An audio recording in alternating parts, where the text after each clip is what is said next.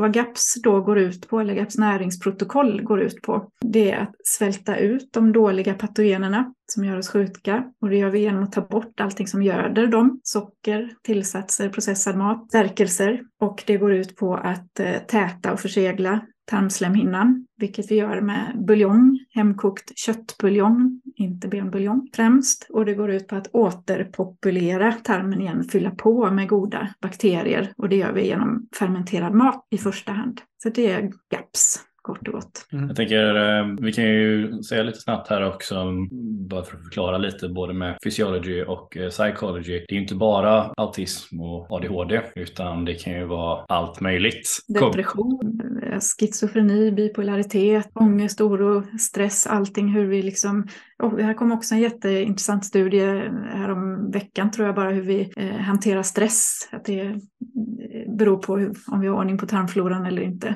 I veckans avsnitt så hälsar vi tillbaka Lisa Billö som var gäst i PS-podden för första gången i avsnitt 47 som du kan gå tillbaka till och lyssna på ifall du vill höra mer av hennes ursprungshistoria.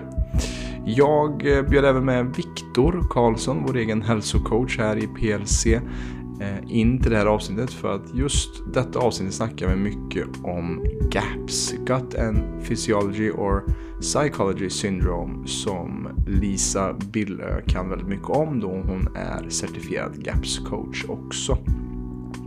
Hon jobbar ju både med inne och utemiljö och vår interna miljö. Och i detta avsnittet så snackar vi just om tarmhälsans viktiga roll för att hålla oss friska och hur det kan läka oss från insidan och ut. Och i detta avsnittet tar jag lite baksätet eftersom Viktor är den som är mest kunnig i teamet kring just mag och tarmhälsa. Så varmt välkommen till ett otroligt intressant avsnitt av den här podden med Lisa Billö. Och förra veckan hade vi ju hälsoinspiratören Jonas Kolting som gäst i PLC-podden. Och denna vecka har vi en tävling som håller på hela veckan från att detta avsnittet släpps. Där vi kommer att lotta ut fyra biljetter med totalt värde av ungefär 2000 kronor till hans föreläsningsturné som kommer vara här i mars. Nakna hälsan 2023. Och det enda du behöver göra för att delta i den här tävlingen är att följa dessa tre enkla steg. Det är att 1. Följa oss på Instagram, Premium Lifestyle Club. 2. Följa Jonas Kolting på Instagram. Och 3. Gilla det inlägget som vi lägger ut samma söndag som det här avsnittet läggs ut. Eh, där det tydligt är ett inlägg kopplat till den här tävlingen. Vi kommer dra fyra vinnare som kommer få varsin biljett av värdet 495 kronor och vi kommer redogöra dessa vinnare 12 februari helt enkelt. Och för alla PLC-medlemmar och klienter så har vi också en rabattkod för dig som vill gå på den här äh, turnén oavsett om du vinner biljetter eller inte. Om du använder koden Premium23 när du köper dina biljetter på äh, Jonas föreläsningsturné Den nakna hälsan 2023 så får du 200 kronor rabatt vid ditt köp av biljett. Och detta gäller ju också såklart för även dig som lyssnar på PLC-podden. Och i vanlig ordning så är även det här avsnittet sponsrat av pureness.se. Använd koden PLC-podden med 2D för att få 20% rabatt på hela deras sortiment. Så använd koden PLC-podden med 2D för 20% rabatt på hela pureness.ses sortiment. Nu kör vi igång med avsnittet. Hej och välkommen till PLC-podden, podden som förändrar Sveriges syn på hälsa. Och idag välkomnar jag tillbaka Lisa Billö som var med i avsnitt 47 av PLC-podden för dig som har gått tillbaka och lyssnat. Där snackar vi mycket om hennes resa kring att ha haft ett fuktskadat hus och eh, fått mögelskador och hennes läkande resa i det och hur hon nu hjälper andra att hitta rätt både med sin innemiljö och eller innemiljö i huset men också nu också jobbar med innemiljön i kroppen. Hon är också numera GAPS coach. Eh, och det är därför också jag sitter vid min sida sitter också Viktor Karlsson, vår, allas vår egen hälsocoach här på PLC. Eh, för att han är den i teamet som också har mest kunskap kring det här också. Du har ju också en rik historik av lite problem och det är därför du håller på med. Det var GAPS syndrom som jag hade faktiskt. Eh, för de som inte vet så står ju det för gatten Psychology eller Physiology Syndrome. Ja. Eh, vilket är som en liten, jag tänker lite ska få berätta mer om det här. Men som en liten helhetsbild på allt vad obalans i tarmen kan ja, leda till i kropp och knopp. Ja, eh. precis. Och det är lite det vi kommer viga samtalet till. Vi var inne på det i första samtalet Lisa. Och eh, välkommen tillbaka hit. Eh, hur, ja, känns det att vara tillbaka? Ja, men jättekul och spännande att ni vill ta upp det här. tycker jag är jättespännande. Ja, men det här är någonting som är så essentiellt. Jag tänker också så att jag vill inleda lite med att citera Hippokrates. Att let food be thy medicine and medicine be thy food. Alltså att låta maten vara, eller det vi äter och det vi tar in, eh, är ju det som också kan potentiellt läka oss från ja. ut. Och, och, han sa ju också att när det kommer till sjukdom, som han sa också för 2000 år sedan, eller när, när det begav sig, att allting börjar i magen. Och det är ja. det vi snackar om lite här också. Precis, det är ingen ny kunskap. Nej, precis. Så vad, var ska vi starta, Viktor, tycker du? Ja, det är lite kul med det du säger, att det inte är någon ny kunskap. Jag hade mm. senast idag ett coachingsamtal eh, med en dam som sa, nej men den senaste tiden här så har man ju sagt, eller kommit fram till att det är mycket med tarmen som eh, har att göra med hälsan. Jag bara, Ja, visst, de senaste 10-20 åren absolut. Det var det några tusen år innan dess också som man hade koll på det här. Mm. Men mycket har ju hänt med forskningen de senaste kanske fem åren till och med. Mm. Det kommer så mycket studier löpande nu som där man kopplar det ena efter det andra till tarmen och tarmfloran. Mm. Eh, och kan man då se orsaker i det så säger det sig själv att det går åt andra hållet också, att då kan man ju reversera symptom också. Ja, nej, och det, är, det är väl bra att man får. Sen så är det ju så att eh, vetenskapen ligger ju alltid bakom. Alltså den försöker alltid catch up liksom med det som många kanske vetat länge fast utan att ha en atomistisk förklaring på det. Liksom. Mm. Eh, men det är jättebra att mer ljus lyses på det här. För det är ju, det är ju verkligen ja, men en lite unifierande teori här med att allting faktiskt härstammar från eller åtminstone att det här är en del av pusslet liksom och, och tills dess att man inte kollar på det så kommer du sannolikt kvarstå med dina symptom. För det är ju så essentiellt, vad stoppar du i dig varje dag? Vad mm. är det du faktiskt konstant göder din kropp med? Det är klart som tusan att det har en påverkan och sen inte bara vad man stoppar i sig utan ja, det är en sak att äta eller trycka i det i truten, det är en annan sak att faktiskt bryta ner det. Mm. Ja. Vad som kan hända och gå snett mm. i magen. Och sen ingår det också i, i protokollet att, eh, att se över det vi andas in också, mm. vilket, är en, eh, vilket man kanske inte pratar så mycket om, men det ingår i allra högsta grad. Eh, så pass mycket att doktor Natasha, som grundaren av GAPS-protokollet, bad mig att föreläsa just om kopplingen mellan mögel och hur det påverkar tarmfloran på deras nästa internationella GAPS OnCon som de kör årligen. När är den då? Det är i februari så 17 februari kommer jag föreläsa själv. Är det online eller är det? Online, så man kan anmäla sig där. Kul. Nice. Det kommer jag göra. jag skickar den länken sen. Ja, kan vi ha i, i beskrivningen här avsnittet också såklart. Ja. Eh, och jag, jag, tänker också, eh, innan vi dyker in i detta också, kan vi också, de, de, som vill veta mer än Lisa kan ju lyssna såklart på avsnitt 47 för att få mer eh, kött på benen. Men du kan också beskriva lite, lite kort så, eh, för de som inte har hört det avsnittet, eh, lite det som jag var inne på här i inledningen. Vad, vad det är som driver dig till att jobba med detta och vad som har gjort att du har också utbildat dig nu till GAPS coach och jobbar med inne och utemiljö. Ja, eh, och bakgrunden som jag berättade i det avsnittet också är att vi är en mögelskadad familj, fyra barn som utvecklade kroniska sjukdomar, eh, den ena efter den andra. Det var ME, fibromyalgi, kemisk intolerans eller MCS eh, IBS, allergier, eksem, astma, allt man kan tänka sig och till och med autism. Eh, varav jag läkt idag. Eh, och då valde jag att skola om mig, eh, utbilda mig till, så att jag kan göra innemiljöutredningar, vilket jag började jobba med då. Eh, och sen när vi då har åtgärdat orsaker till eh, kroniska sjukdomar hos de här familjerna som jag är hos och utreder. Eh, när vi har tagit bort orsaken, ja men då är ju folk fortfarande sjuka och undrar vad gör jag nu då? Eh, och så undrar de hur gjorde ni? Och så hamnade jag i det att jag satt och pratade GAPS för att det var så vi läkte. Vi läkte tarmen. Först tog vi bort orsaken och sen läkte vi tarmen. Eh, och I stort sett så är det ju GAPS-protokollet alltihopa, för det ingår där att man ska ta bort orsaker som mögel. Det kan ju vara många andra orsaker också. Mm. Så då tänkte jag att det är lika bra att jag certifierar mig. Så att jag eh, gick den utbildningen och är nu certifierad GAPS-coach och tar eh, coachuppdrag, föreläser och hjälper till både NTL-coachning och föreläs eller grupp och kurser Mm.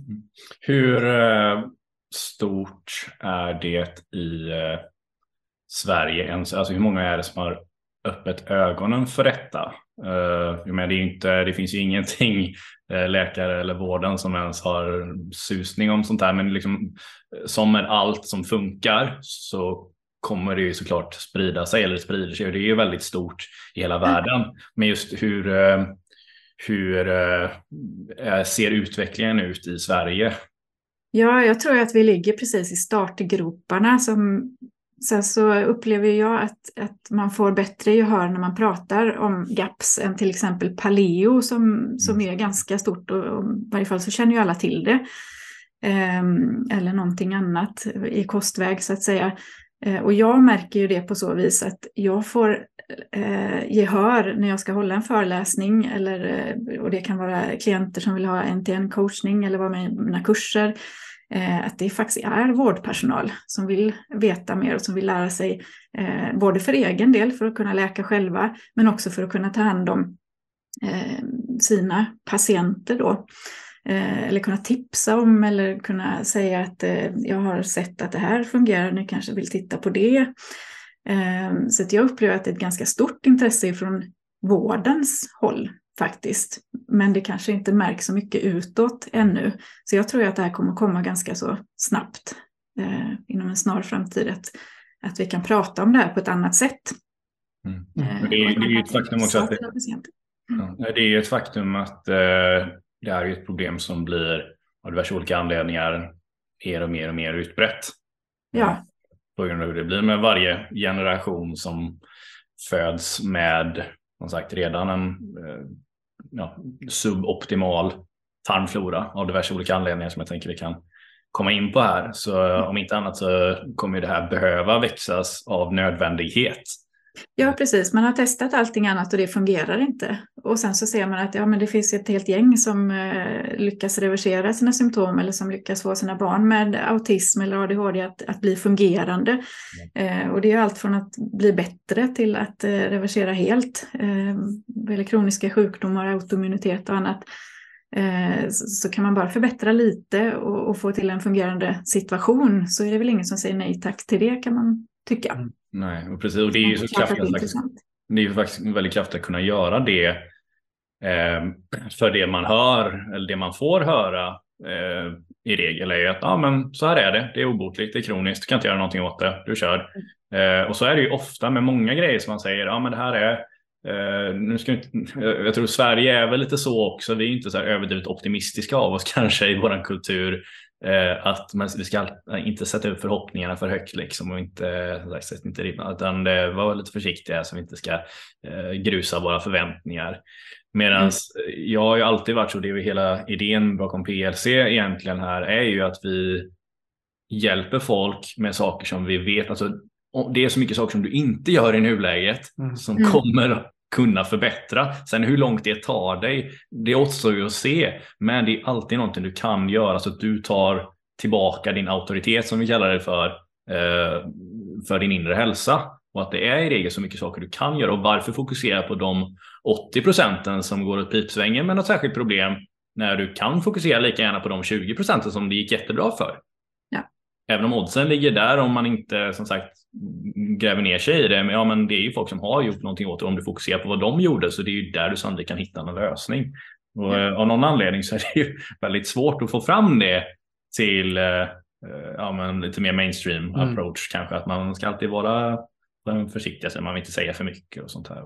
Nej. Jag tror väl det som är essensen av det vi jobbar med är att, att hjälpa människor att inse att det finns mer du kan göra och att eh, också istället för att säga, men oj, jag har gått på diabetes typ 2 här, eller jag har, det bara blev så här. Alltså att se att det finns också orsak och verkan kring mm. vad vi stoppar i oss och hur vi tänker, hur vi sover, vad vi, mm. vad vi dricker och att se det här sambandet och att istället för att skylla på någonting, att ta 100% ansvar för ens liv. Eh, och det är det vi hoppas man kan göra med, med det som vi delar med oss av eh, i våra kanaler eh, och hjälpa människor att ta tillbaka den inre kraften som Viktor är inne på här.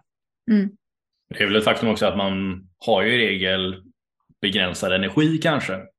När man har de här symptomen och besvären kan ju du också tala om här med hur dränerande det är att ha diverse olika eh, tunga besvär och sen lägg på en unge som man ska försöka läka samma sak med också som dränerar all den energin.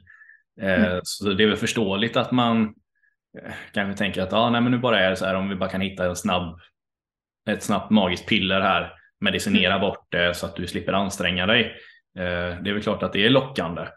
Men eh, som vi alla vet så eh, genvägarna är oftast inte det som faktiskt löser problemen mm. på riktigt. Nej. Eh, men det hade varit jättebra om du kunde förklara lite kring vad, för någon som lyssnar, vi säger GAPS, visst det är gut and psychology syndrome eller physiology syndrome, men vad, vad tusan är det för någonting kommer ju många fråga här. Det blir alldeles utmärkt om du tar och förklarar lite vad som faktiskt sker i kroppen. Ja, och vad vi pratar om det är en person med en rubbad tarmflora. Eh, mm och som man antingen då är född med, för man ärver tarmfloran ifrån sin mamma och sin pappa faktiskt. Eh, eller så har man exponerats för någonting som i vårt fall då mögel. Eh, men eh, många gånger antibiotika. Slår ut tarmfloran effektivt, det vill säga immunförsvaret. Mm. Eh, andra läkemedel, eh, dålig kost, eh, processad, ultraprocessad mat finns det också massor med studier på nu, eh, på hur det påverkar tarmfloran. Det finns studier på hur eh, sötningsmedel påverkar tarmfloran negativt. Eh, och allt det här bryter ju ner tarmfloran. Mm. Så vad som händer då är att tarmen blir läckande eller porös, genomsläpplig. Vi hinner inte bryta ner maten, den tas inte upp, näringen tas inte upp, vilket leder till näringsbrister. Eh, men också så kommer den ju att läcka ut via tarmen, ut i blodsystemet, lymfan. Eh, och där kommer immunförsvaret att reagera på inkräktare, som immunförsvaret ser det som, eh, och vilja försvara sig kort och gott. För vi har en fungerande kropp i grund och botten. Det här är inte ett liksom, systemfel som uppstår, utan kroppen gör det den ska. Mm. Eh, och då reagerar kroppen med, eller immunförsvaret med inflammation, eh, allergier, eh, autoimmunitet, eksem, astma, eh, neuropsykiatriska eh, eller psykologiska symptom. Ehm, och allt det som vi pratar om då när det gäller kroniska sjukdomar och ehm, autism, ADHD och så vidare. Eh, när de här osmälta matpartiklarna och andra toxiner som produceras i tarmen då försvinner ut i kroppen så eh, påverkar, kommer de att påverka då hjärnan. När de når till hjärnan så är det eh, Gutten and psychology syndrom vi pratar om, autism och ADHD. Och när de når och påverkar andra organ i kroppen, då är det, då är det and physiology syndrom som vi pratar om. Mm.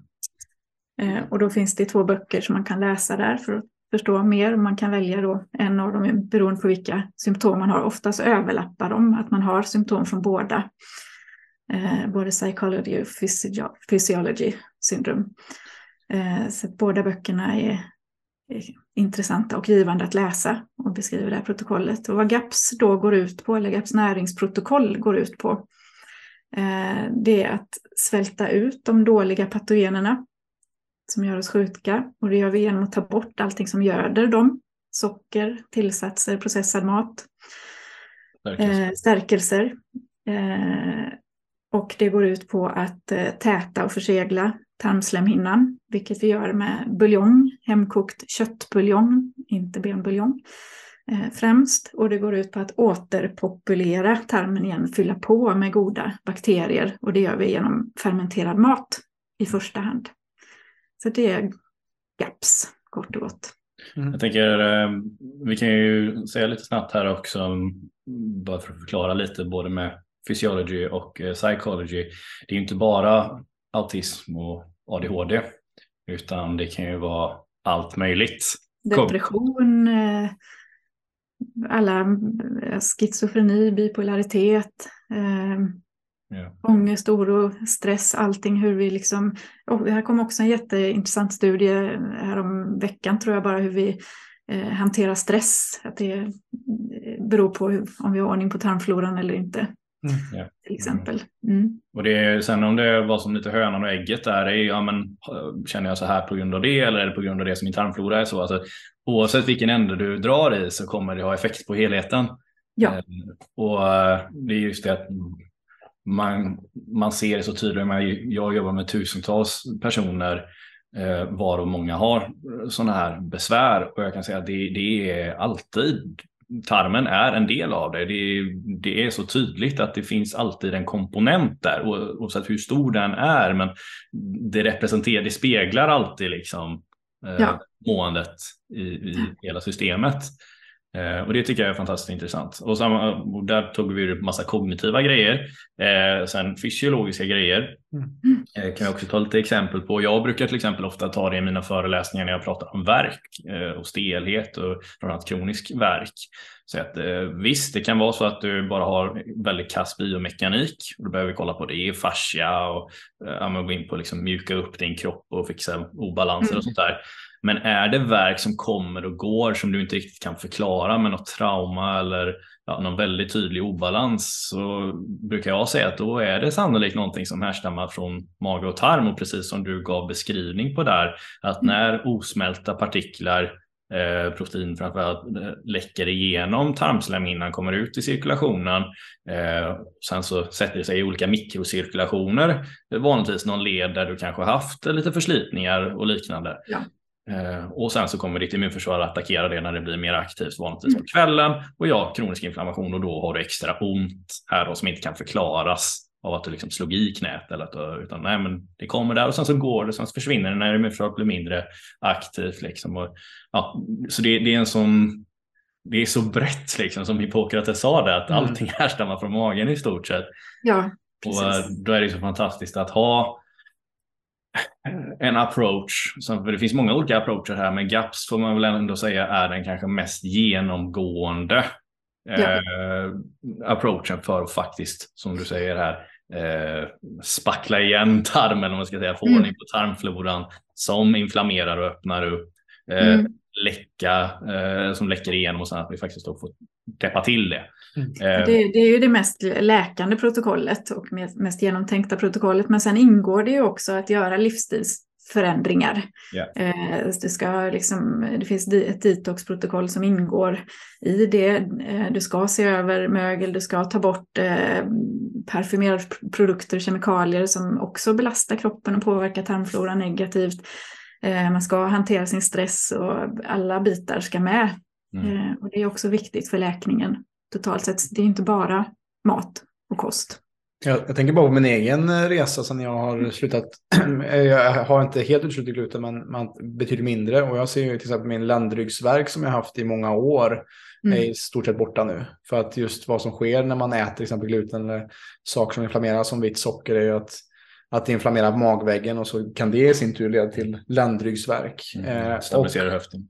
Ja, precis. Och höften också. Och det i sin tur då, om inte vår core är stabil så gör det också att vår hållning också påverkas negativt också. Att det, allt är en, en kedjeeffekt som startar från ja. mitten av vår kropp. Det är bara mm. ganska enkelt att, att se att, att om inte vad som är i centrum av en organism eller en byggnad eller vad du än är, om inte det är i balans så är det svårt här ute i extremiteterna att det skulle kunna fungera lika bra. Mm. Jag skulle gärna vilja höra lite mer där kring eh, detox-protokollet eh, som finns med. Om, jag för, om vi utöver det såklart att vi utesluter allt skit, det är det första då såklart. Sluta mm. fikta. Okej, okay, men, men, men, låt, oss, låt oss då för de som inte har hört talas om det här förut, vad, vad skulle ni då klassificera som skit då? Så för att, för att göra det mer lyssnarvänligt. Okej, okay. du kan börja. du tänker som vi utsätter oss för? Ja. ja. Det är både sånt i kosten naturligtvis, men också det man andas.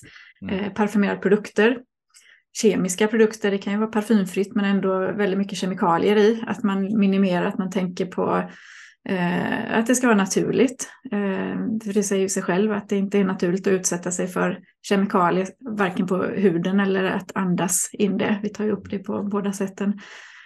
Eh, städmedel, eh, inomhusmiljön, läkemedel. Eh, sen eh, råder inte jag kring eh, mediciner eller läkemedel utan det får ju vården naturligtvis göra mm, hos mina klienter. Men man måste ändå vara medveten om att det också påverkar tarmfloran negativt. Eh, Vissa mer än andra. Ja, eh, sen, sen så har vi hela innemiljön med eh, nya Alltså det kan vara emissioner från byggnadsmaterial, man bor i ett nytt hus. Det kan även finnas i gamla hus, att det finns eh, kemikalier, pentaklorfenol eller sådana trärött skyddsmedel. Eh, det kan vara nya möbler och mattor som man köper, nya kläder, tvättmedlet. Att man tänker igenom allting sånt och det är det som jag hjälper till med när jag har, har en klient. Då att jag går igenom de här sakerna så att man inte missar någonting. Ja. För det är ju lite, kan ju kännas lite överväldigande från en person. Alltså, det är ju vi fullt medvetna alltså, Vi jobbar ju med helhetscoachning då, va? vilket du ju också gör. Mm. Eh, men när man sitter med en klient där som går från ja, med sin lilla bubbla med att ja, men, nej, visst, jag behöver äta lite annorlunda kanske och behöver röra på mig lite mer. Och så mm. tänker man att that's it. Eh, mång, I många fall, alltså, det kanske bara är det som vissa behöver. Men mm. det är ju när du har de här lite mer rejäla besvären då är det ofta att du behöver kolla några fler steg. Eh, och första steget är alltid att göra det som kommer skapa mer energi så att du orkar göra mer saker. Får man liksom hitta vilken är den här lågt hängande frukten. Mm. Men eh, det är ju en hel värld eh, och bara de sakerna som du radade upp där så tänker ju många, aha fan så jag måste göra lägga om hela mitt liv. Och det är ett sätt att se det, men ett annat sätt att se det, ja men om vi kan börja bygga upp liksom en grund här med att tänka att ja, men, hur har jag en så naturlig miljö som möjligt? För det är bara ett faktum att vi lever i en mer giftig värld idag. Eh, det är massa saker som vi inte behöver oroa oss för idag som man behövde oroa sig för för tusen år sedan. Men det är också massa nya grejer som är ja, mm. inte är så När man pratar detox på, på GAPS så är det ju inte för att detoxa eh, det vi får i oss eh, i miljön eller maten eller luften eller på huden enbart utan eh, den största toxiciteten i kroppen menar doktor Natasha, då grundaren till GAPS, kommer ifrån tarmen. Ja. Mm. Eh, och när man då börjar jobba, eh, täta tarmslemhinnan eh, och det är inte bara att man äter mat som, som är detoxande då, eller som ger så kallad die-off, där eh, liksom patogener dör och producerar toxiner, vilket kan ge symptom då. Eh, utan det är också att man äter mycket, mycket mer byggstenar, extremt näringstät mat som gör att man börjar producera och bygga upp nya celler.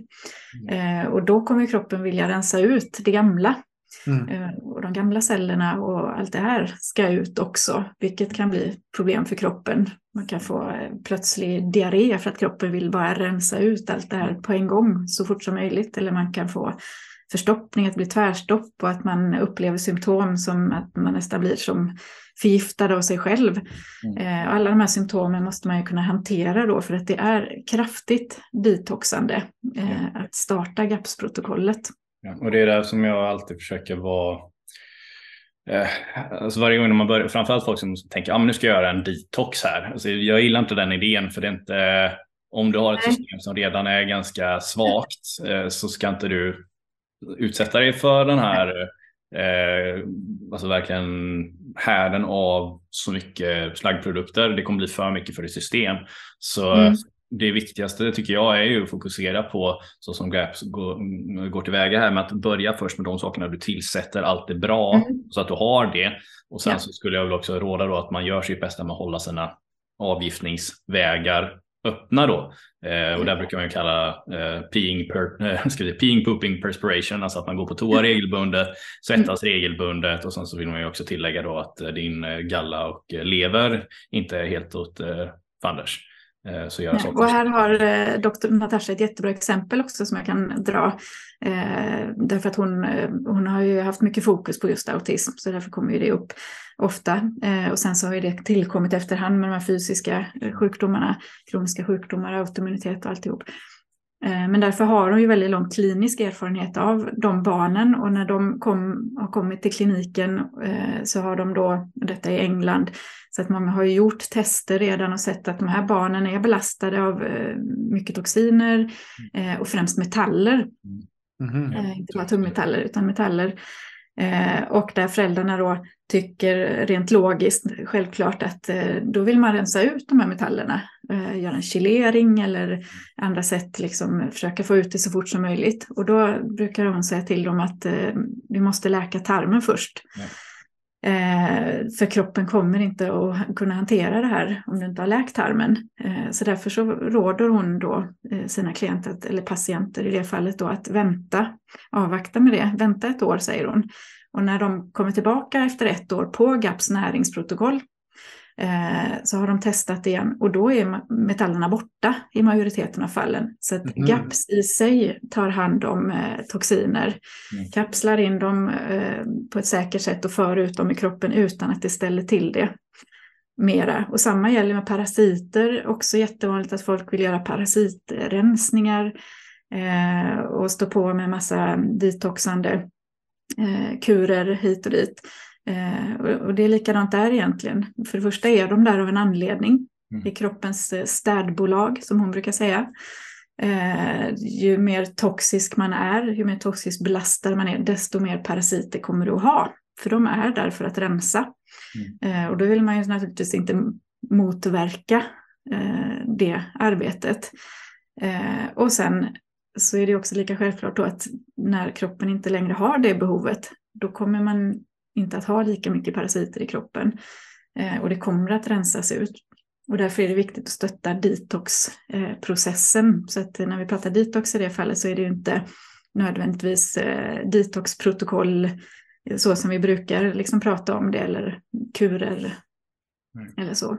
Just Ja, det, bara för att summera det för den som lyssnar och inte mm, kunde wrap their head around lite vad det är vi säger faktiskt att man ska göra då. Det är att ja, men, lägg till alla de här bra grejerna så kommer tarmfloran rensa ut sig själv. Eh, sen då är det så att man har till exempel eh, förstoppning, vilket är ju väldigt problematiskt då såklart. Alltså om det inte går, alltså om det är stopp i ena änden där vi försöker rensa Mm. ut det, då behöver vi göra någonting åt det såklart. Sen så vet jag att GAPS eh, approachen till det är att ja, men det är probiotika och eller ät saker, fixa tarmen, sen till exempel probiotika då, eller fermenterad mat, saker som liksom, eh, ja, får Det är faktiskt eh, lavemang.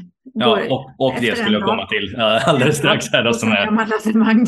yes. eh, Och det är, det är helt sten, det är stenhårt så. Det, det har så stor eh, effekt. Eh, Negativ effekt om man skulle gå med en förstoppning eh, ett par dagar bara. Mm. Och det har så stor effekt att eh, åtgärda detta. Så att, eh, Dr. Natasha brukar också berätta om att hon har eh, gett exempel på en treåring tror jag det var som eh, man hjälpte på det här viset. Eh, som hade, ja, som inte pratade, non-verbal eh, autism. Kom ut från eh, badrummet efter ett vattenlavemang eh, och pratade. Eh, en treordsmening. Eh, och då förstår man ju hur mycket det här kan påverka. Att det är stopp liksom, att det inte kommer ut. Så att när man säger att det är som att man blir förgiftad av sig själv så är det ju verkligen så. Ja. Och det är något som inte kanske vården eh, ger som rekommendation i första hand då, att du ska köra upp lite vatten i rumpan. Men det är, det är ju så viktigt som du säger att är det stopp så behöver vi få ordning på det. Och jag brukar säga så när jag sitter och läser analyser då från klienter som jag jobbar med. Och om det står liksom att de ofta är förstoppade, så säger jag okej, men om vi inte får ordning på det här inom, alltså med att vi gör lite förändringar här, för det är ofta diverse saker som har väldigt stor förbättringspotential, kanske i matväg, i rörelseväg, i vila, sådana här saker, eller att man inte dricker vatten och kanske är förstoppat på, grund- på grund av det. Liksom. Eh, så gör de här förändringarna först, men om du märker att, inte, att du inte börjar gå regelbundet på toa bara inom några dagar här, då behöver vi göra någonting för att ordning på det. Jag brukar kanske först, det beror lite på fem personer när man pratar med, hur öppna de är för saker och ting. Eh, men först säger jag kanske, ja men något ört och som, då bör det hända någonting. Men gör det fortfarande inte om problemet kvarstår, det är då jag brukar ta upp det här med lavemang. Ehm, eh, och det kan vara intressant att höra hur, eh, hur du rekommenderar att man gör det. Jag kan säga så som jag själv gör. Att jag har en vattenrenare hemma, en väldigt bra eh, så Aqua True heter den som drar bort allt i stort sett. Eh, så för mig är det inga problem att använda det vattnet.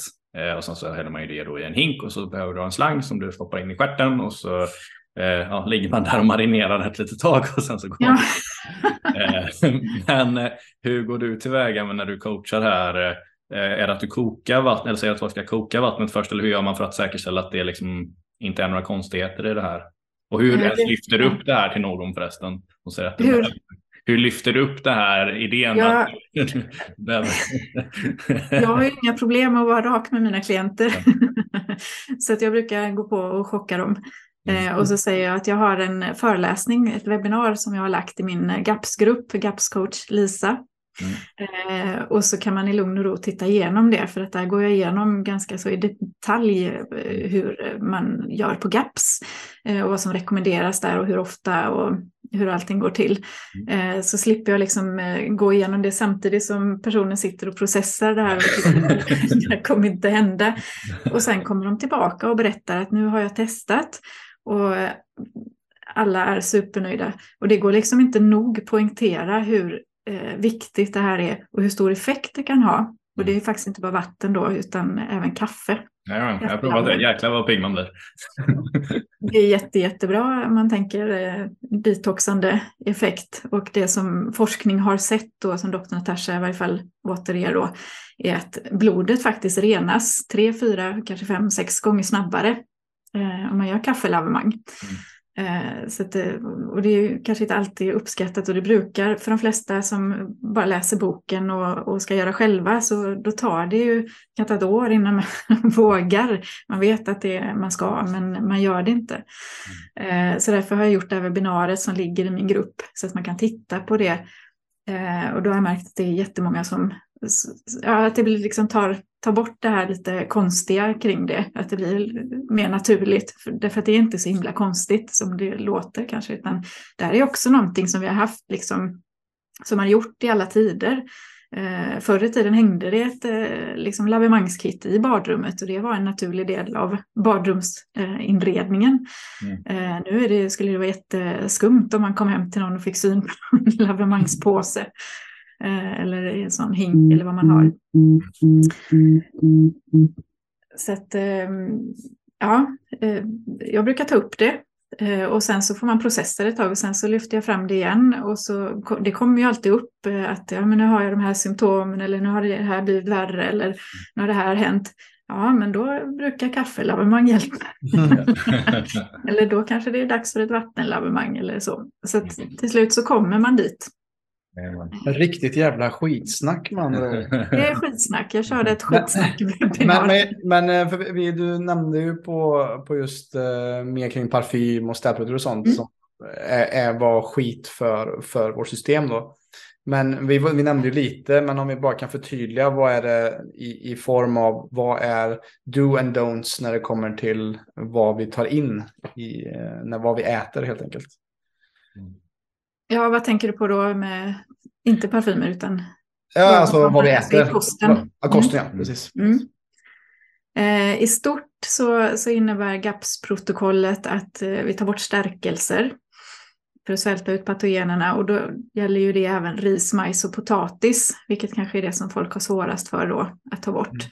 Mm. Eh, men bortsett från det så ska vi ju äta, så är det ju kött och grönsaker, koka egen buljong och fermenterad mat och allt det som vi har ätit i alla tider, i alla kulturer i stort sett. Ehm, så kött, eh, fågel, eh, nöt, eh, gris, om man vill, kyckling, fisk, skaldjur, allt naturligt. Och sen så tar man bort, ja, man tar bort det som är svårsmält för tarmen då, förutom stärkelser, så processad mat, tillsatser, konserveringsmedel har man tillsatt i maten för att döda bakterier, så det vill vi såklart inte äta och ha i tarmen. Um, Ja.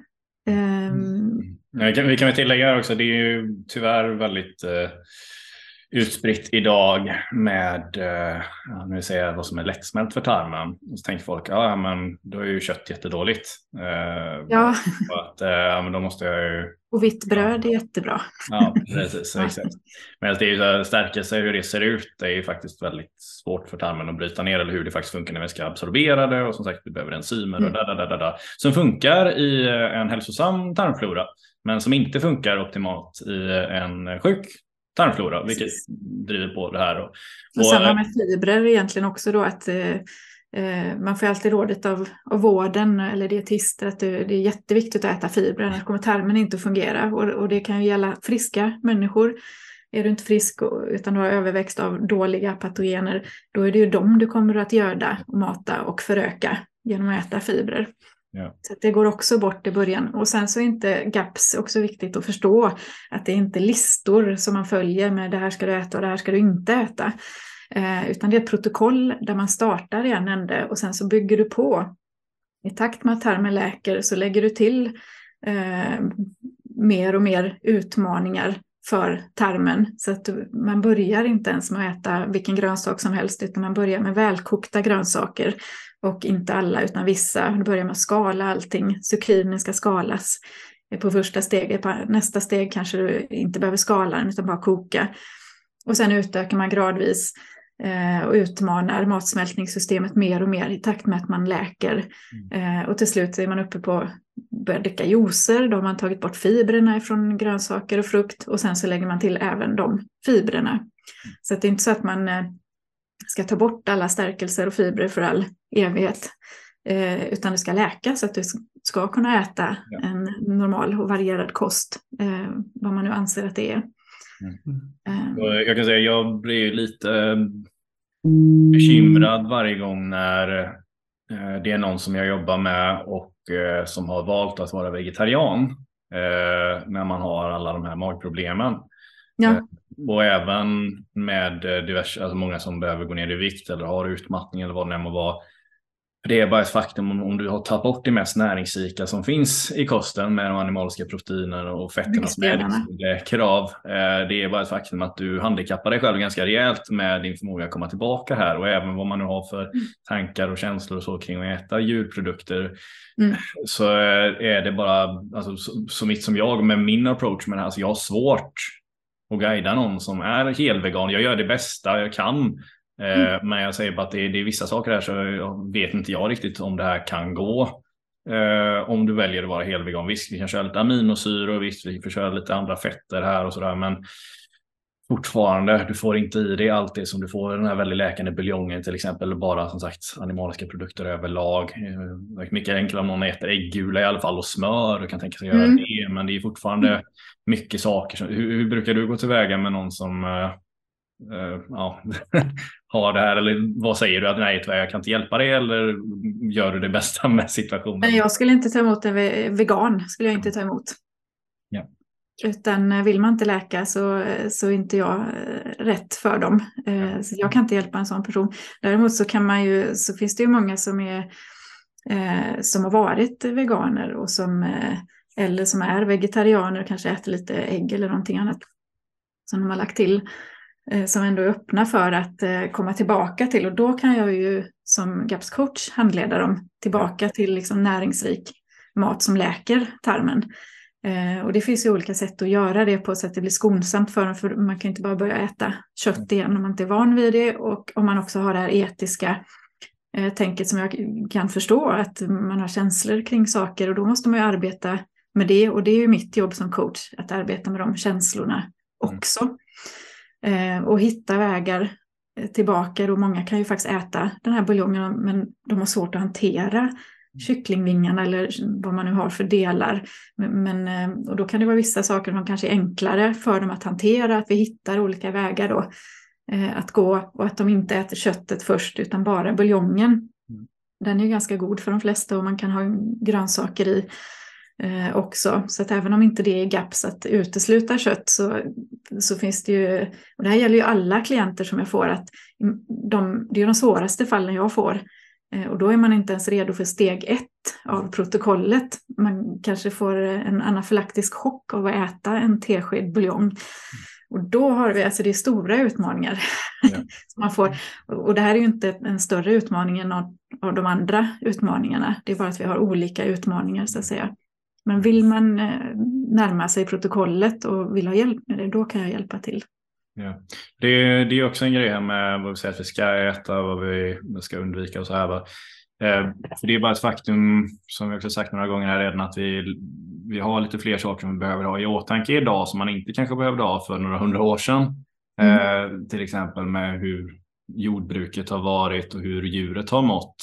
Eh, och framförallt här och när vi ska börja koka buljong Eh, som är det som man vill få väldigt många att göra. För det är bara faktum att det här är i stort sett det mest näringsrika lättsmälta vi kan få i oss. Mm. Eh, så är ju frågan, okej, okay, men vart fasen får jag tag i en kohals liksom? Och vart får jag tag i de här eh, eller ja, vilken del av kreaturet det nu än är man kommer koka buljongen på. Jag har sagt kyckling, visst det finns köpa så här ekokycklingar, de är ganska dyra men mm ja, det, är ändå, det finns. Eh, annars är det ju rekoring, det är ja, lokal slaktare. Lite intressant att höra för dig är hur går du tillväga med att guida folk genom att eh, ja, men så här får du bra kött till din buljong?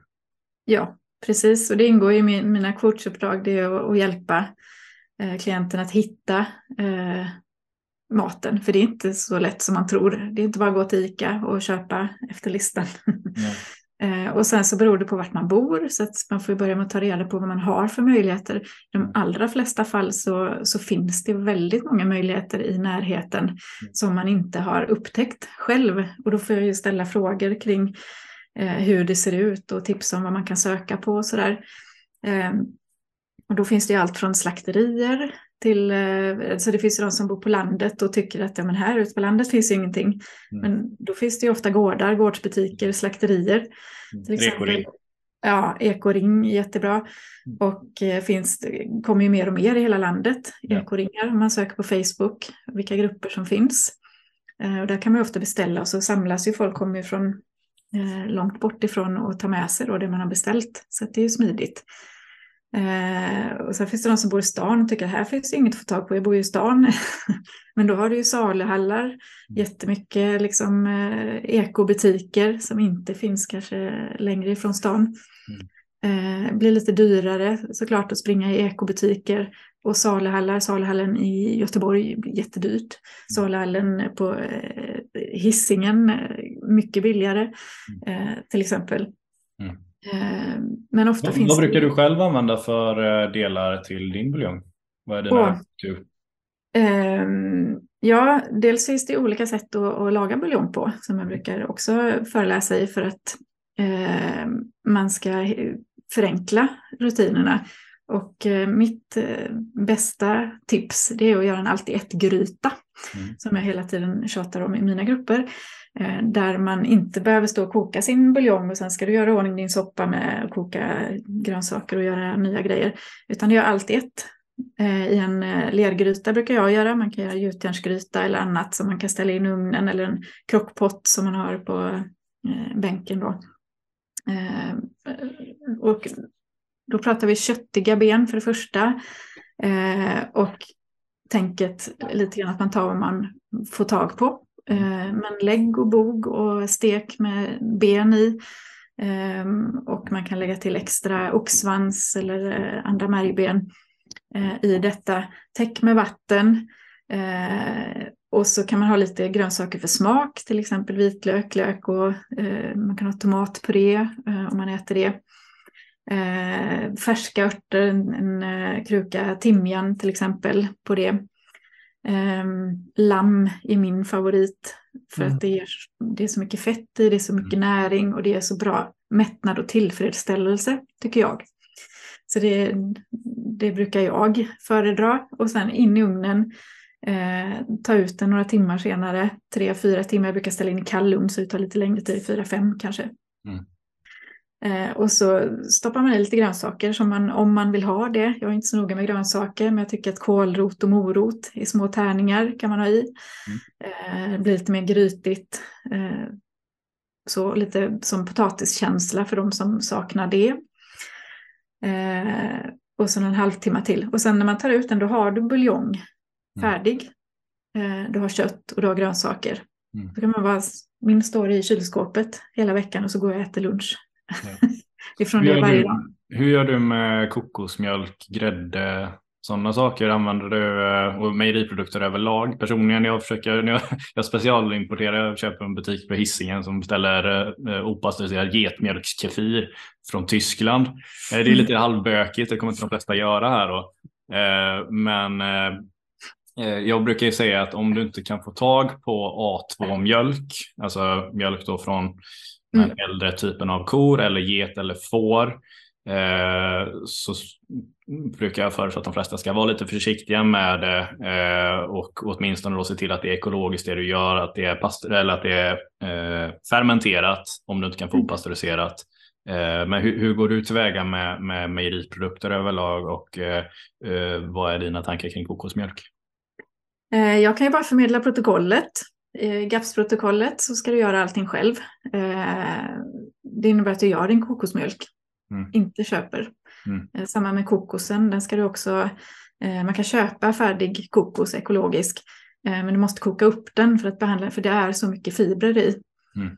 Eh, Och det här är väl kanske lite senare rön då som hon har kommit med efterhand eh, för att liksom finjustera i protokollet. Eh, Men inte köpa kokosmjölk. Mm. Eh, Och sen kokosmjölk, alltså det tillför ju inte så mycket Nej. näring egentligen, utan vill man ha det för smaken eller så, så kan man absolut använda det, men det är inget nödvändigt att använda i protokollet. Plus att det är ju inte det som är naturligt för oss här i Norden att äta heller, så jag tänker att det är viktigare att prata om det som finns i vår närhet, för man ska tänka närproducerat hela tiden, det är ju det som, Mm. den näringen som vi kommer göra oss till godo bäst. Eh, så att kokos är ju ingen viktig del av protokollet. Eh, men framförallt köper man inga produkter eh, då på GAPS-protokollet. Sen vad gäller mjölkprodukter så opastöriserad mjölk är ju det som rekommenderas. Och I Sverige är ju det svårt att få tag på. Men en del lyckas och framförallt via ekoringar kan man få tag på opastöriserad mjölk. Eh, För det får inte säljas i butik. Ja. Eh, Och sen så ska vi då fermentera den. Eh, Har man ingenting annat då köper man lågpastöriserad i vanlig butik och ohomogeniserad. Så att Ja. den inte är sönderslagen och förstörd. Sen fermenterar man den med yoghurtkultur eller med kefirgryn. Och man börjar alltid med yoghurtkulturen eftersom den eh, kefirkulturen är så potent att man riskerar att få bakslag på det kort och gott för att det blir så mycket probiotika i. Så därför tar man yoghurt först och när man har kommit upp i dos, för man börjar inte bara äta det utan man, tar, man startar teskedsvis på GAPS med allting och sen ökar man gradvis. Um, och sen när man kommit upp i, i dos och kan äta mycket yoghurt då kan du lägga till kefir. Uh, och då kan vi fermentera både mjölken och grädde så att man får syrad grädde. Ehm, och absolut helt okej att köpa den mjölken i butik om man inte hittar opastöriserad mjölk. Och det tillför så mycket näring ändå för att vi, vi fixar till den liksom genom att Mm. fermentera. Ja. Eh, Så att det är GAPS-tänket kring det. Hur tänker du med grädde då som man värmer upp? Typ i såser och sånt? Eh, ja, men det, det är bra näring det också. Mm. Eh, men, men inte för att få i sig probiotika. Men det, det kan vi ju få ändå så att säga. Jag tänker mer med, med att många reagerar framförallt med att det är A1 mjölk och att det är i gräddform och att det inte är fermenterat. Det är uppvärmt så det är uppenbarligen inte opastöriserat. Eh, Ja, på GAPS är ju allting fermenterat. mm. Okej, så du skulle fermentera den här grädden innan du använder den i så fall? Ja, det är inte GAPS att äta eh, ofermenterade mjölkprodukter alls. Nej. Och det är till och med så att du start, när man startar att man gör sitt smör själv Ja. från den här fermenterade grädden. Så då får du ju Mm. syrat smör. Åh fan. Eh, Och sen så gör du ghee av det, så klarifierar smöret. Eh, Stoppar in det i ugnen en stund så att det blir smörolja av det. Så att alla de stegen ska man göra. Yoghurt eller syra, liksom grädden först, vispa det till smör och sen göra ghee. Mm. Eh. Men hur går det ihop? Jag tänker när man värmer upp det så pass varmt borde inte de bakterierna dö om man, gör, om man smälter det? till Jo. Eh, det kommer det naturligtvis göra, men du får den här smöroljan som är fördelaktig för tarmen. Så det är inte för att få i sig probiotikan, den får vi ju ändå för att vi äter surkålsjuice, mm. rödbetskvass, mycket fermenterade grönsaksjuicer mm. och fermenterade grönsaker och yoghurt. Eh, vasslen häller vi av från yoghurten som vi har gjort själva. Mm. Dricker. Eh, gör du yoghurten i en eh, gry eller hur gör, gör den i en krockpott eller hur, gör du det? Eh, jag gör mest kefir. Eh, ja. Vi har ju läkt i vår familj så att vi ska säga att vi följer inte GAFS-protokollet eh, längre men i stort sett så gör vi det ändå men vi behöver inte göra det.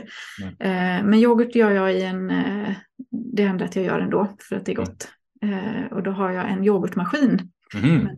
På GAPS och i de här böckerna så beskrivs att det kan man göra i en glasburk, bara du håller den varm. Det ska vara 41-45 mm. grader. Man mm. kan ställa den ovanför kylskåpet där det kanske man, man kanske har ett skåp som är lite varmare.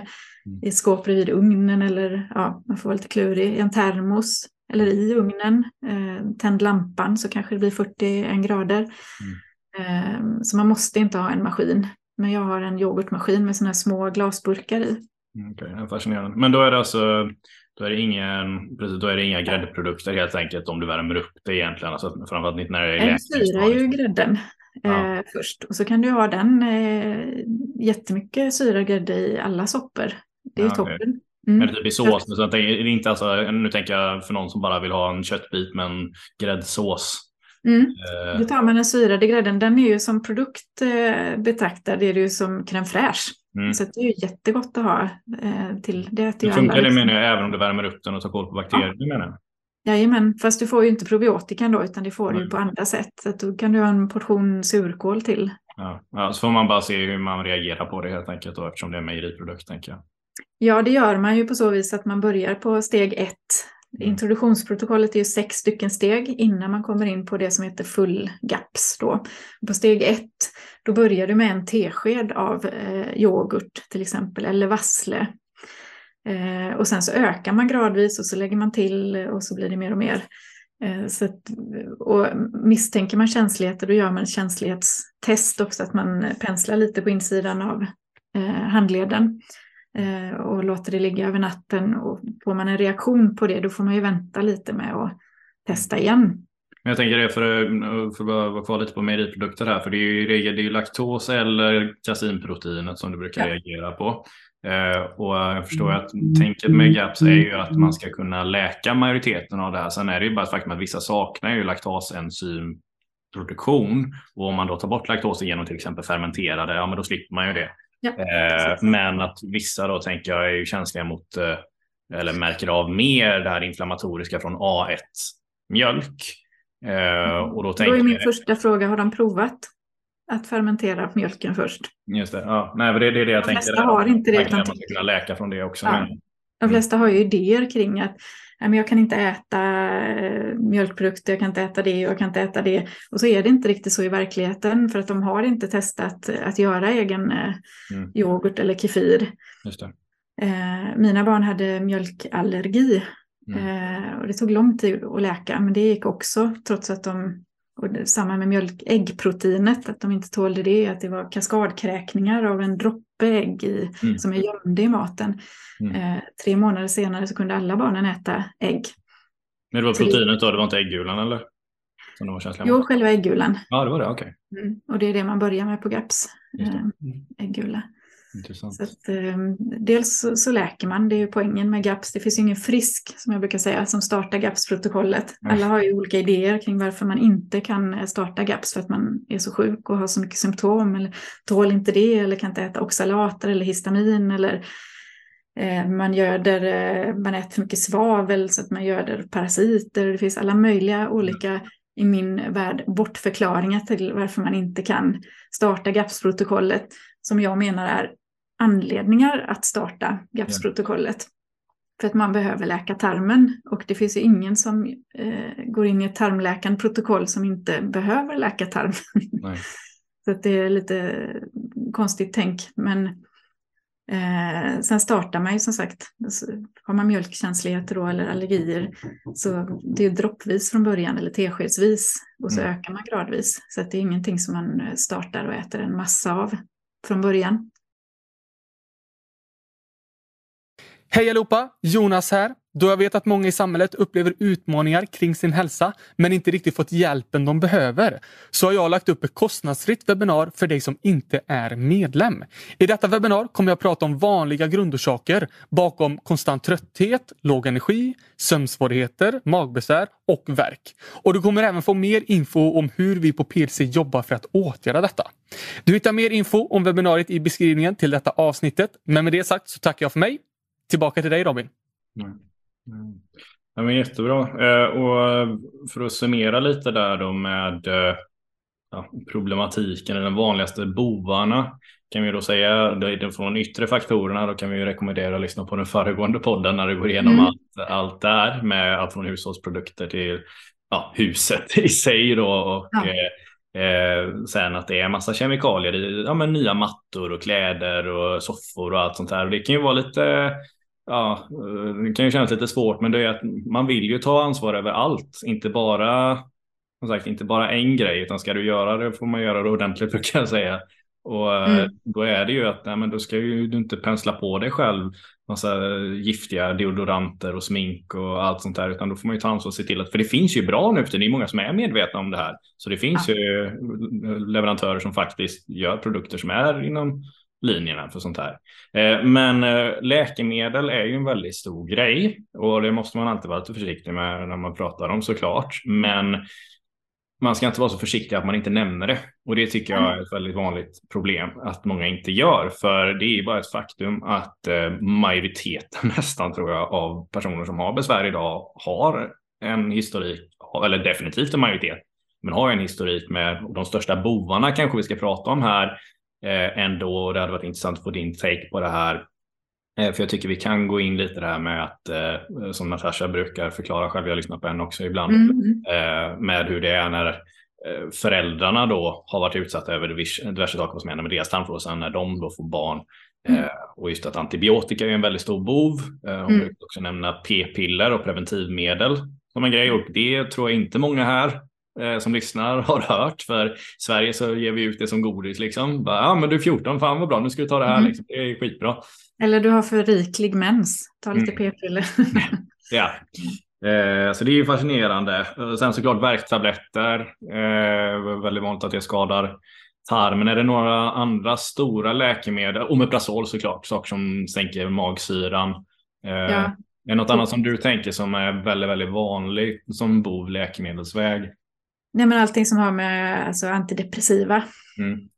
Då. Och där har du ju liksom också så himla tydligt och saker som man, alltså, enligt min uppfattning i varje fall, relativt lätt kan åtgärda genom att eh, ja, behöver kanske inte liksom läka tarmen helt och hållet utan ganska snabbt bara ta bort saker så kommer du märka skillnad ja. i humör och känslor och hur man hanterar stress och allting sånt. Så där kan man nog ganska snabba resultat. De människorna kan ju ta bort de här eh, medicinerna ganska snabbt också, min erfarenhet. Men det gör man ju först när man eh, inte behöver dem längre såklart. Men det är väldigt, väldigt viktigt att verkligen trycka på den punkten att det här är saker som har konsekvenser. Sen mm. eh, som sagt så tar man ju det av en anledning såklart. Och, men vad jag brukar säga är att det är klart du ska göra det här i samråd med läkare och allt sånt där, men ha i åtanke varför du gör det och mm. ha en plan med att det här ska vara temporärt. Eh, för det kommer att ha konsekvenser som alla mediciner har. Eh, Egentligen kan man också nämna tillskott i det sammanhanget därför att det är också jättevanligt att eh, folk eh, eh, man, man köper tester utan något sammanhang och så ser man att man har brister på olika saker och så går man och köper olika tillskott utan att någon har då förskrivit det som funktionsmedicin kan ju ändå förskriva mm. eh, saker men även i de fallen där funktionsmedicin skriver ut så att säga olika preparat eh, i form av tillskott som ska vara ett naturligt, eh, ja det blir som ett läkemedel då, fast naturligt. Även i de fallen så är det jättevanligt att man reagerar på olika sätt på de här tillskotten, att man får symptom. Eh, och, att, och sen så får man eh, då medicinera på, vare sig det är alternativt eller skolmedicinskt, för att man får de symptomen och så är man inne i en rad liksom, en, en dålig spiral helt enkelt. Och då behöver man ta bort allting sånt. Mm. Därför att det, för det första så är det så att har du en läckande tarm ja, då tar du inte upp näringen så bra. Eh, och är det dessutom onaturlig näring, då kommer kroppen inte känna igen det. Mm. Eh, så tillskotten kanske inte har så stor effekt i just det läget då när man ska starta GAPS. Mm. Utan eh, GAPS-protokollet går ut på kosten först och så ser vi vad det ger och livsstilsförändringar. Eh, och sen när vi ser att nu kommer jag inte längre, då kan man kanske söka upp en funktionsmedicin eller GAPS practitioner som man har tillgång till i andra länder i varje fall. Eh, och få extra stöttning i vissa saker då. Jag vet inte om hon har ändrat sig på det eh, på senare tid eller för det är ändå vissa tillskott som rekommenderas. Vissa tillskott ingår. Mm. Och probiotika till exempel. Men först, det är ett protokoll som sagt att det inte är värt, men då står vi på med allting utan Först så äter vi, man tillför ju den probiotiska maten först. Mm. Och då är det surkålsjuice så man börjar med inte surkål, för det är för mycket fibrer i surkål. Mm. Så ökar surkålsjuicen och sen så dricker man vassle eller rödbetskvass och så ökar man mängden och till slut så äter du surkålen i sig mm. och mer yoghurt och, och kefir. Och sen när du klarar alla de här sakerna, för att det kommer ju också starta effekter och få, få effekter på kroppen och ge symptom kanske i värsta fall. Då kan man börja med probiotikan. Mm. Så det är det tänket. Samma med torskleverolja ingår för att det är A och D-vitamin vilket är avgörande för immunförsvaret och tarmen. Yeah. Men det är också naturligt. Det är ju fisk liksom mm. fast man har liksom koncentrerat mm. eh, torskleveroljan då. Mm. Eh, så att sånt ingår men egentligen så ingår inte att liksom ta tillskott i form av olika vitaminer eller mineraler eller sådär. Ja. Nej men det är som vi säger, alltså, du ska ju du ska inte försöka tillskotta dig iväg från att du inte käkar rätt mat. Nej men exakt så. Så och, visst och kan man ha hjälp av det och doktor Natasha säger också att homeopatmedel kan eh, eh, har hon sett stora effekter av så att hon inte alls eh, eh, ja, hon tycker att man ska ta till det som fungerar så att säga men i första hand kosten. Ja, och det, det är väldigt viktigt tycker jag. Att, eh, för det, det är en grej, jag, jag, rekommenderar vanligtvis en del tillskott eh, som jag ser är väldigt relevanta. Men jag är alltid väldigt försiktig och har en väldigt bra anledning till det. För jag tror att ja. på tok för många tar någonting för att de har läst att det ska vara bra. Och så... Eller jag har brist på den, då måste jag ta ja, den. exakt. Men alltså, visst, jag tror att eh, till exempel D-vitamin är en väldigt bra idé eh, så här års eh, i Sverige, framförallt med att vi regel inte äter så mycket saker som har D-vitamin i heller, plus att vi inte är ute överhuvudtaget. Eh, mm. Och torskleverolja är en väldigt bra form att få det på ett naturligt sätt. Som kroppen eh, känner igen och tar upp. Precis, eh, och det är väldigt bra. Det är, det är ett märke som vi har samarbete med. De, de har torskleverolja i sin D-vitamin, så det är skitbra. För annars har jag svårt att hitta. Eh, vi har ju den här tran, Möllers tran, men den tror jag är lite väl processad. Va? Jag vet inte om du kan någonting om det, men det känns Det är inte GAPS, eh, det som rekommenderas på, eller det finns ju vissa tillskott som rekommenderas på GAPS och då får man hålla sig till de liksom, märkena mer eller mindre. Sen kan det ju hända saker både, åt båda hållen då, att ett, mm.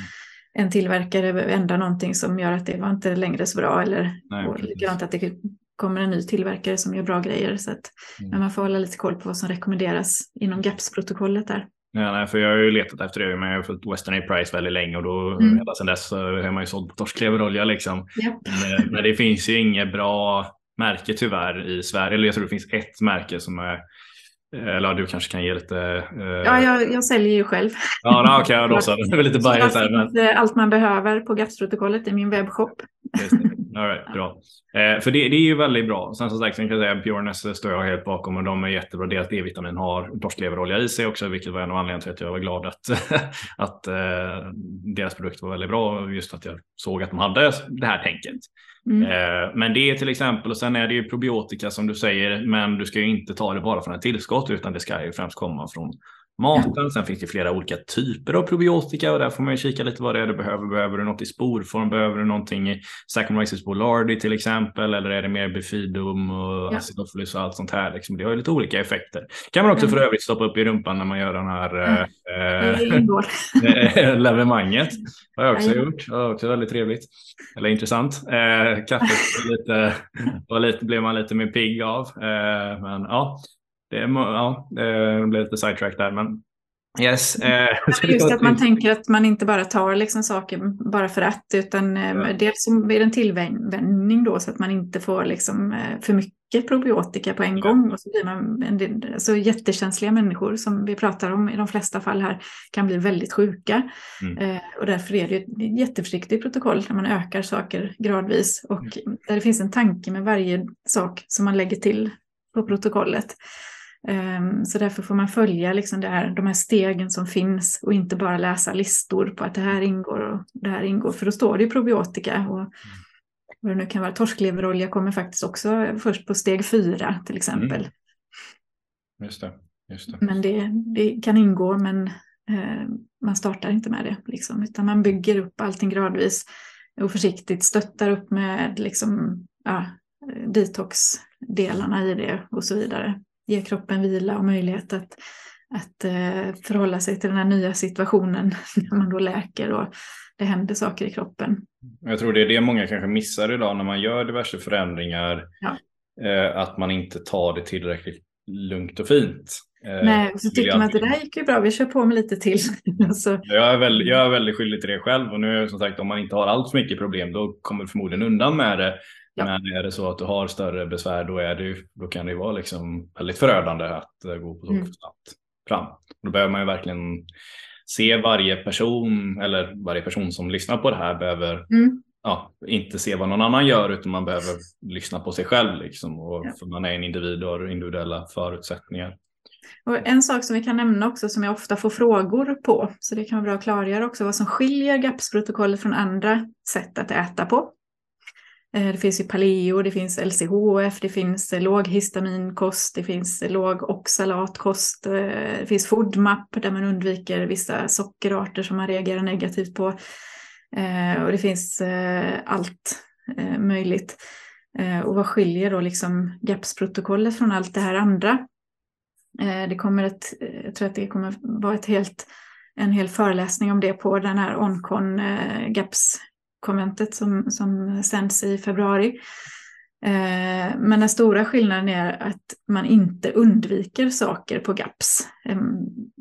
Alltså har man histaminkänslighet, då vill man ju undvika det som ger symptom. Så då äter du inte mat med så mycket histamin i, utan låg histaminkost kost hela tiden. Eh, tål du inte oxalater, ja men då undviker du oxalater och äter låg, eh, lågt innehåll av det. Tål du inte ägg, ja men då undviker man ju ägg såklart. Man undviker det som ger symptom. Eh, ägg på GAPS-protokollet, om du är äggallergiker så är det steg två. så det kan ju låta lite konstigt då. Eller nötter, steg tre. Mm. Hur gör man då liksom?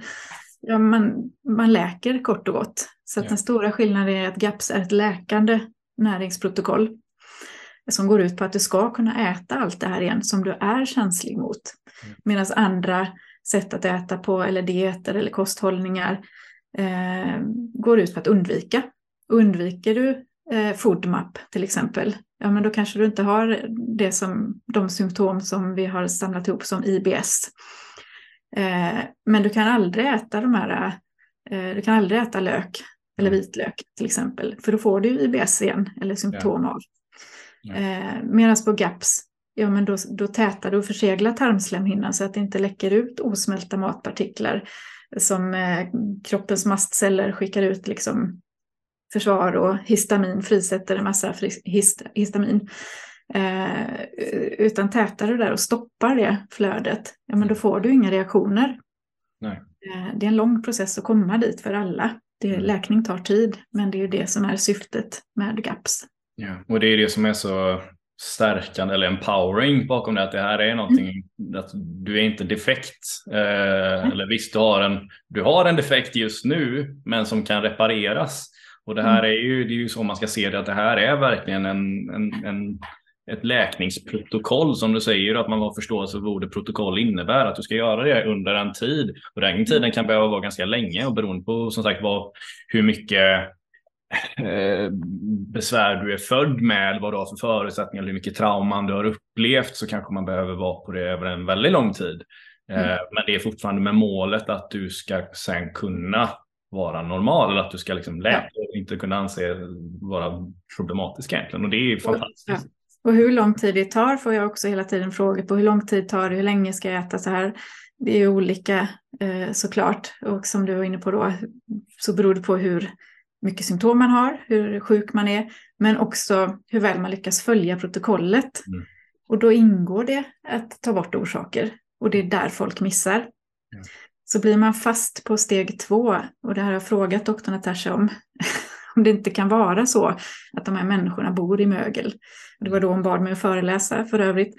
Eh, för det höll hon med om. Att, och det behöver inte vara mögel kanske, utan det var mitt exempel, utan det kan vara andra saker.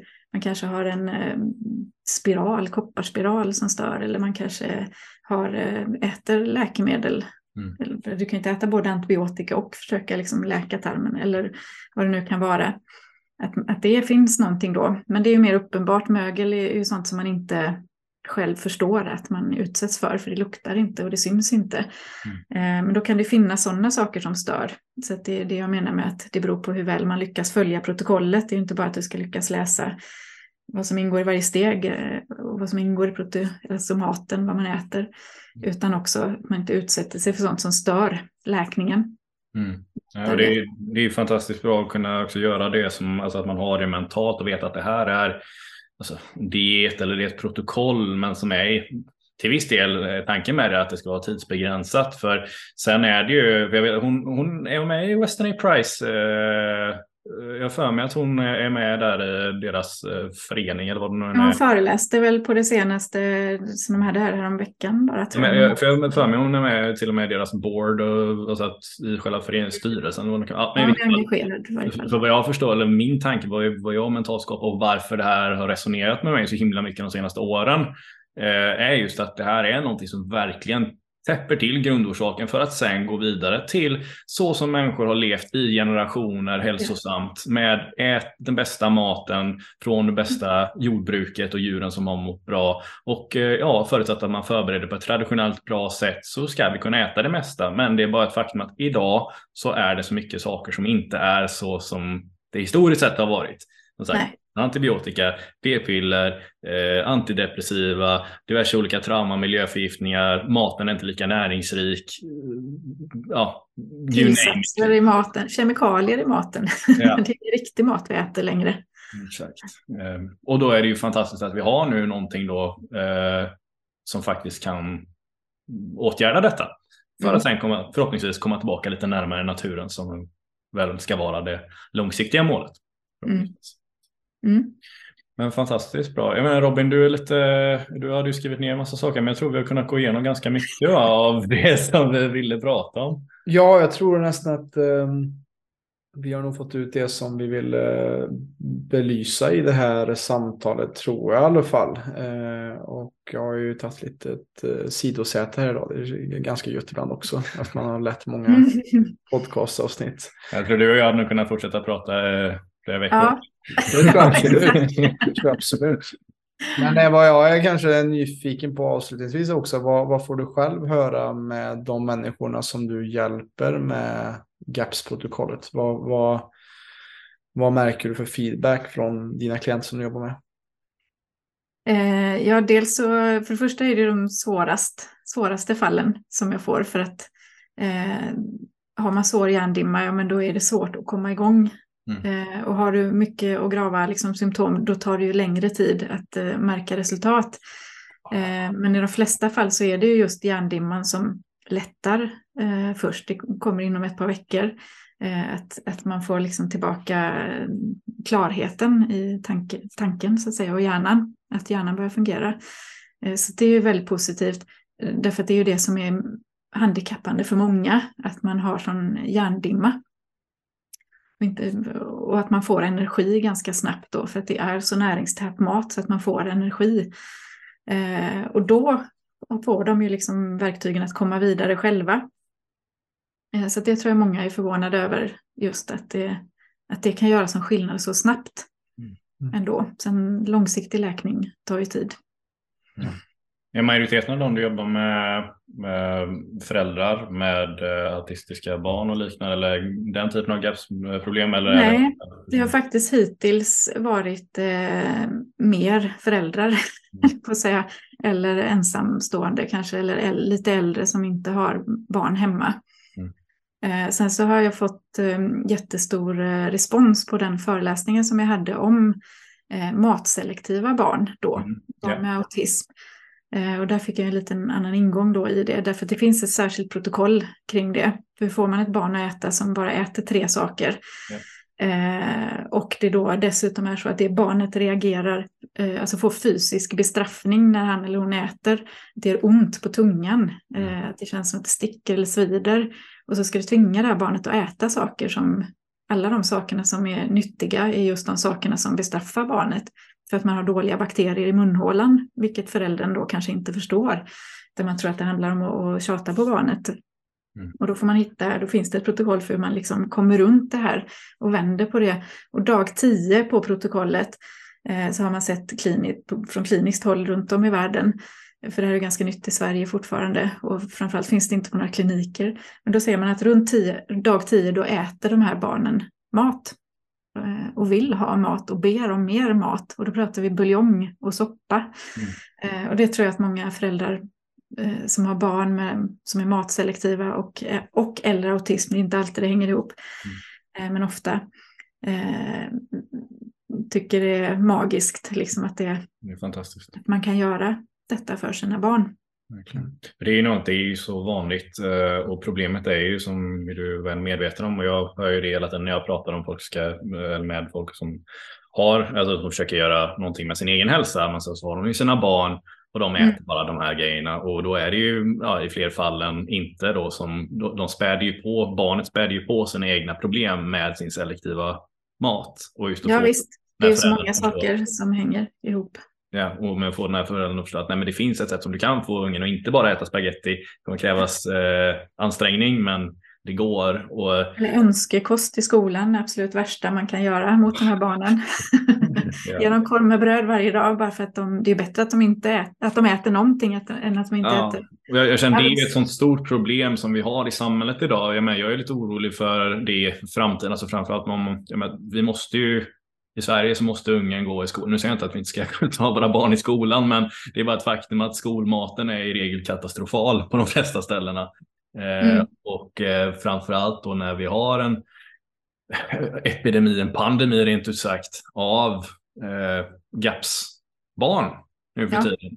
Mm. Och att vi inte som sagt jobbar, så man måste ju jobba på något sätt brett med det. Som förälder måste man ju nu då ta ansvar över det här också. Och det, det är ju, ja, jag säger inte att det inte är svårt, det är jävligt svårt, men det finns ett sätt och förhoppningsvis har man kanske fått lite hopp och optimism med att det finns mycket man kan göra från den här konversationen. Och att det finns jag hoppas det, därför att steg nummer ett är ju att man ska tro, tror man inte att det går att göra någonting åt det här, för att det är ju vad vården säger. Ja. Mm. Eh, då blir det ju svårt att ta det steget mm. och mer eller mindre gå emot vården också. Men ja. där kan jag ju rapportera från andra sidan som får höra ifrån vården eh, och som har deltagare på mina föreläsningar från vården mm. eh, att det finns ett intresse därifrån. Och jag tror att man många gånger kan lyfta upp eh, det här också mm. med vården därför att vården kan inte göra någonting åt det här. Eh, och jag tror att kommer du med en lösning till vården då är det väldigt många som skulle säga att ja, men jag tycker du ska testa det. Och då har man ju ändå det stödet, för stödet är också viktigt. Att mm. man inte ska behöva smyga med saker eller så. Att man, eh, det är viktigt att barnen får mat i skolan. Mm. Eh, det blir min nästa föreläsning här på måndag för övrigt. Eh, hur man klarar de här barnen då som ska gå till skolan och äta skolmaten. Mm. Där finns också vägar att gå. Mm. Fantastiskt bra. Tack mm. så mycket. Ja, tack så mycket för det arbetet du gör och det är därför vi har den här podden för att vi vill ju ge alternativ och ge andra historier till hur vi faktiskt kan hitta andra vägar i vår läkande resa till att bli en mer hel och fungerande människa. I väntan på att forskningen hinner ikapp kanske? Ja, mm. exakt. Men vi kan inte vänta på det. Nej, precis. Under tiden så, ja. så finns det vägar att gå. Men, men Lisa, för de som vill eh, mm. veta mer om det du jobbar med, eh, dela gärna med lite av vart de hittar dig på hem, med hemsida och så vidare. Ja. Eh, jag har ju min sida innemiljö och hälsa.nu utan prickar. som man hittar på nätet. Och sen så har jag ju lagt till en hemsida, eller den har jag haft hela tiden, den heter certifiedgapscoach.com. Och där delar jag bara mina GAPS-recept för att inte förvirra någon. Mm. Eh, som, eh, eftersom jag också säljer andra saker som durramjöl och delar sådana recept, det är inte GAPS, så har jag en sida med bara eh, GAPS-recept, så då kan man mm. hitta dem där. GAPS-coach, Lisa heter jag på eh, alla sociala medier och min eh, Facebookgrupp heter så också. Så ja. där kan man gå med och eh, ställa fler frågor om man vill. Mm. Härligt, grymt. Tack så mycket Lisa för din tid och tack Viktor för tack att eh, du ledde samtalet här idag. Mm. Med att ta ett steg tillbaka som sagt. Mm. För att jag själv lär mig otroligt mycket varje avsnitt och framförallt av Viktor mm. också. Jag lärt mig väldigt mycket kring det här kring magetarm som var för mig var en blind spot för bara ett par år sedan. Um, och eh, för dig som har lyssnat och känner att du har tagit med dig mycket intressant eh, fakta och saker som du kanske eh, blir provocerad av att höra eller saker som varit utmanande för dig. Men kolla upp då, kolla upp, kolla upp det som vi har pratat om och de resurserna kanske vi har nämnt och, och kika vidare. Och har det varit inspirerande så dela för all del gärna med dig av det här avsnittet så att vi med stadig rask takt kan förändra Sveriges syn på hälsa. Tusen tack Lisa och på återseende. Det hoppas jag. Stort tack för att du har lyssnat på detta avsnitt av PLC-podden. Om du som lyssnare är intresserad av att få bättre balans på din kropp och hälsa så kan du gå in på www.plclub.se. Där kan du göra en gratis hälsoundersökning och läsa mer om hur vi hjälper människor på ett holistiskt sätt att skapa mer energi, få igång förbränningen och minska värk. Alltså www.plclub.se plclub.se. Vi finns även på Instagram, YouTube, Spotify och Facebook at Premium Lifestyle Club om du vill ta del av mer gratis material. Stort tack för din tid här med oss.